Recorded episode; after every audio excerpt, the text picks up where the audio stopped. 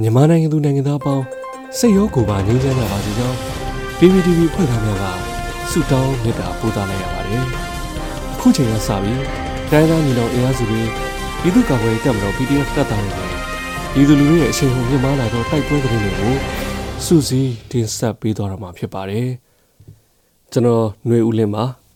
ပထမဆုံးအနေနဲ့ရန်ကုန်မှာဘုံတွေပောက်ခွေခဲ့တဲ့တဲ့ရင်ကိုတင်ဆက်မှာပါ။မတ်လ19ရက်နေ့ည10:00နာရီခွဲဝန်းကျင် လှိုင်သာယာမြို့နယ်အမှတ်6ရပ်ကွက်ရှိပြည်မုန်းနေလမ်းမကြီးနေတွင်ကင်းပန်ရန်စုယုံနေသောစစ်ကောင်စီလက်ပါစင်များကိုရန်ကုန် Underground Force နှင့်ညီနောင်မဟာမိတ် Black Eagle Ranger ကဘုံဖြင့်တိုက်ခတ်ခဲ့ကြောင်းသိရှိရပါတယ်။အလားတူရန်ကုန်တိုင်းသုံးခွမြို့နယ်ခွန်ယုံနယ်အမှတ်1ရပ်ကွက်မှာရက်ကွက်ယုံစီးမှနေအိမ်ကို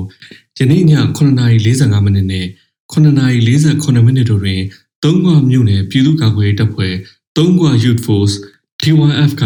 ဘုံနှလုံးဖြင့်ဖောက်ခွဲတိုက်ခတ်ခဲ့ကြောင်းသိရှိရပါတယ်။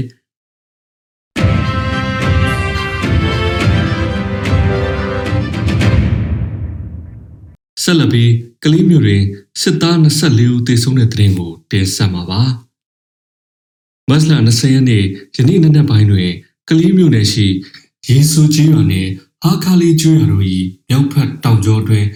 စစ်ကြောင်းရှောက်လာသောအကြမ်းဖက်စစ်ကောင်စီတပ်ဖွဲ့ဝင်များကိုအသင့်နေရာယူစောင့်ဆိုင်နေသည့် PDF ကလေးဇုံမီ PDF နှင့် CNDF ပူးပေါင်းတပ်ဖွဲ့ဝင်များက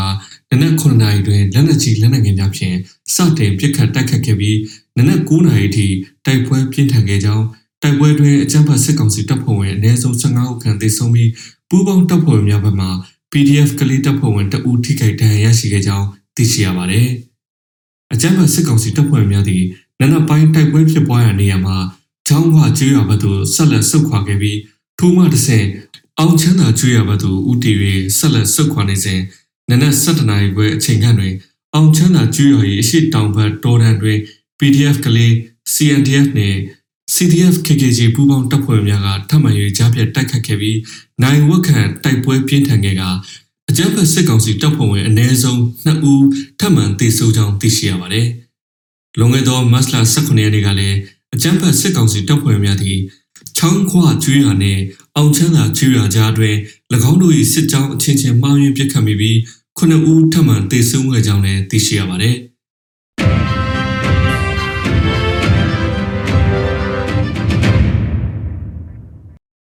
ဆက်လက်ပြီးထီးချိုင်တွင်စစ်သား24ဦးသေဆုံးပြီး PDF 4ဦးကြာဆုံးတဲ့တဲ့ရင်ကိုတင်ဆက်မှာပါ။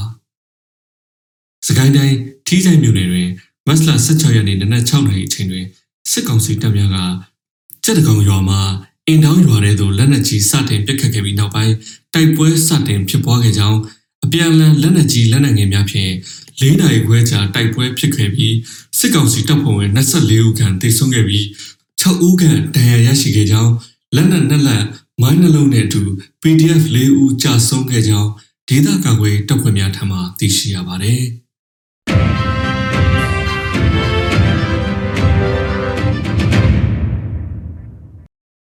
ဆက်လက်တင်ဆက်မှာကတော့ကြိုက်လက်ရဲစကန်ဘုံခွဲခံရတဲ့တဲ့တင်မှာမတ်လ19ရက်နေ့အေယာဝတီတိုင်းကြိုက်လက်မြို့နယ်ဖျော်ရွာသစ်ကြီးရွာရှိစစ်ကောင်စီလက်အောက်ခံရဲစခန်းကို PDF KL နဲ့ညီနောင်မဟာမိတ်များဖြစ်သော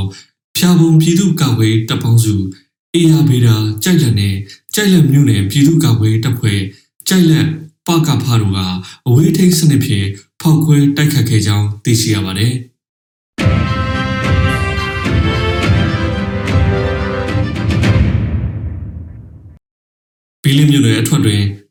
ဖြစ်တဲ့တဲ့ရင်ဆက်လက်တင်ဆက်ပါမယ်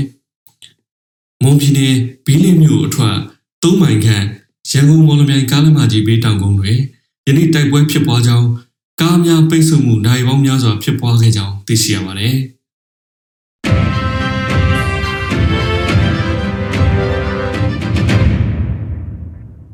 နောက်ဆုံးအနေနဲ့အမျိုးသားညီညွတ်ရေးဆိုရာ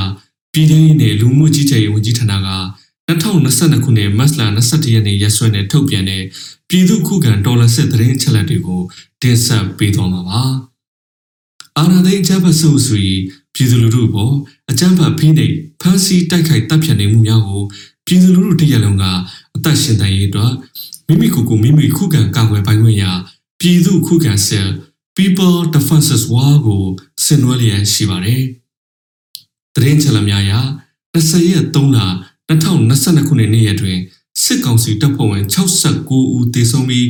ထိခိုက်ဒဏ်ရာရရှိသူ18ဦးအထိခုခံတိုက်ခိုက်နိုင်ခဲ့ပါတယ်။စစ်အာဏာရှင်စနစ်မြမအမျိုးပေါ်မှာအပိတိုင်ချုပ်ငြိရေးနဲ့ Federal Democracy စနစ်တည်ဆောက်ရေးအတွက်ငြိမ်းချမ်းစွာဆန္ဒပြသည့်လူထုတပိတ်တိုက်ပွဲများကပြည်내နဲ့တိုင်းဒေသကြီးများမှာဖြစ်ပွားပေါ်ပေါက်လျက်ရှိပါတယ်။မြေပြင်မှာယခုတွေ့ရတဲ့သတင်းချက်လက်များထက်ပို၍ ဖြစ်ပွားနိုင်ပါတယ်ခင်ဗျာ။